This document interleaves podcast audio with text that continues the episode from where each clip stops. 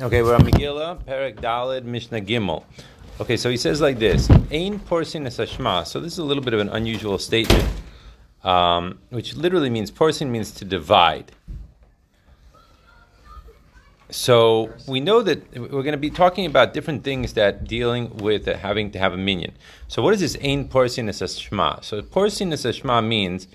Uh, basically, if a minyan of people come to shul after the shul already said Shema, they already said Kaddish, they already said Baruch Hu, right? So now uh, you have a problem because they missed it. So what they would do apparently was that they would uh, have one person go up and on behalf of everyone else say Kaddish, Baruch Hu, and then say the first of the two brachas uh, before Shema. So this is called Parsin as Shema. Okay, weiter.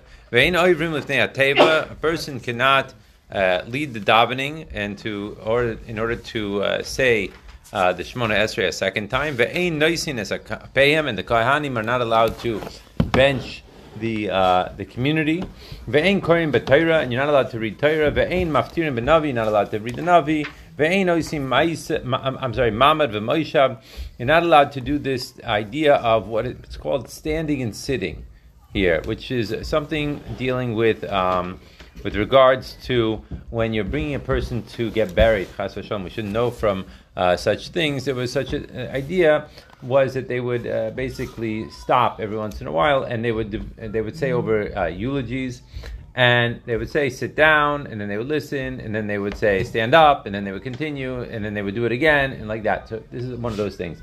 You're not allowed to say the mourner's uh, bracha after the burial. So after the burial, apparently, it was a custom to sit in the street and they would say a number of different brachas in honor of the people that are mourning.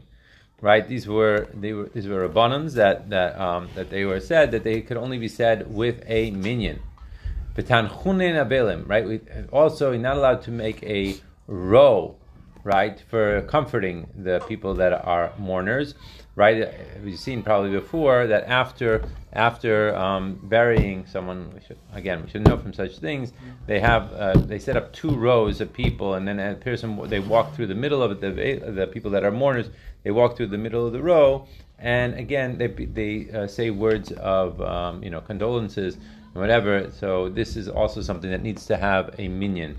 Ubirchas chasanim, also with regards to the Sheva brachas of uh, chasana, or at the meal eating right after the uh, after the chasana. Ve'ein mezamnim b'shem, and you're not allowed to use Hashem's name during birchas hamazon, pachas ma'asara. All these things you cannot do when there are less than ten men there. Ubekarkaos, when a person wants to buy land that actually belongs to the Beis Hamikdash, tisha v'kayin. So the idea is that the value of how much he has to spend for it has to be figured out by 10 men. Now, nine of those people could be uh, regular people, but the, the Nakuda is, excuse me, that one of them has to be a Kayan.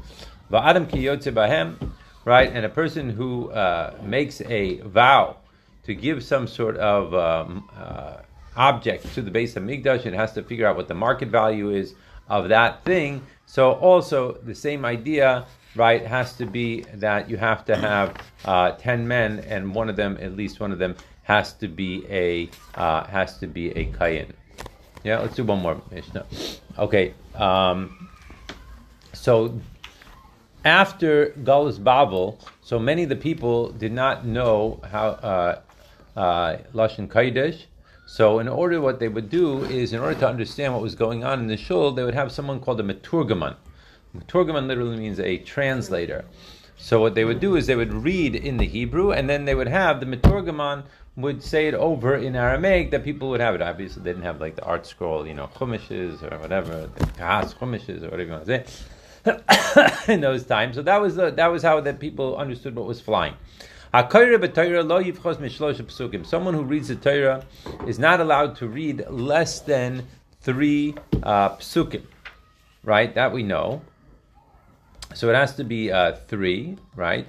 This apparently corresponds to Tanakh, right? Torah, Nevi'im, Ksuvim. Then it says like this: Lo yikra lemisar uh, However,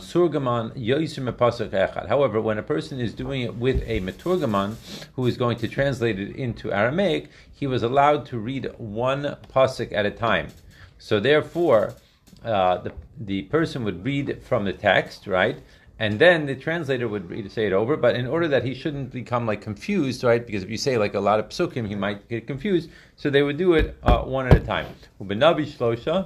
However, when reading from the Navi, he could read up until uh, three uh, different psukim at the times that the translator is translating right? Because um, the, the, there's not so many uh, particular halachas that are being taken out from the Navi as opposed to Chumash. Every like word of Chumash, right? We know, and every letter, even sometimes we're learning out different laws from. So we want to make sure that it's exact. Whereas in Navi, it's not as exact. Hayu shalosh tam shalosh parashiyos karim echad echad. However, if there were three of them, what does that mean? There were three uh, different psukim that were supposed to be read in the Navi, are from three different uh, paragraphs. Because sometimes you jump from one paragraph to that, so then you could read it. Then you you have to read it one at a time, because uh, because they're skipping from one paragraph to the next paragraph.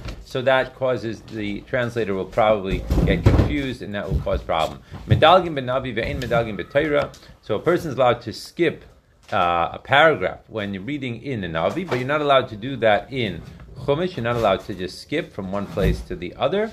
But ad kama humedalik, how much uh, further ahead can you skip? Ad shalo yivsa meturgaman, as long as you the scroller is, is is moving, right? The translator has to be talking. So once the translator stops, right? In other words, let's say that you are meturgaming uh, you're translating one part, and then you want to read something from like you know uh, all the way on the other side of the of, of the of the Torah scroll. Well, that's not going to work because he'll stop, and then what's going to happen is that the congregation is going to have to wait around for this for him to finish, or for, for them to finish rolling the Chumash. Uh, so therefore, we don't do that.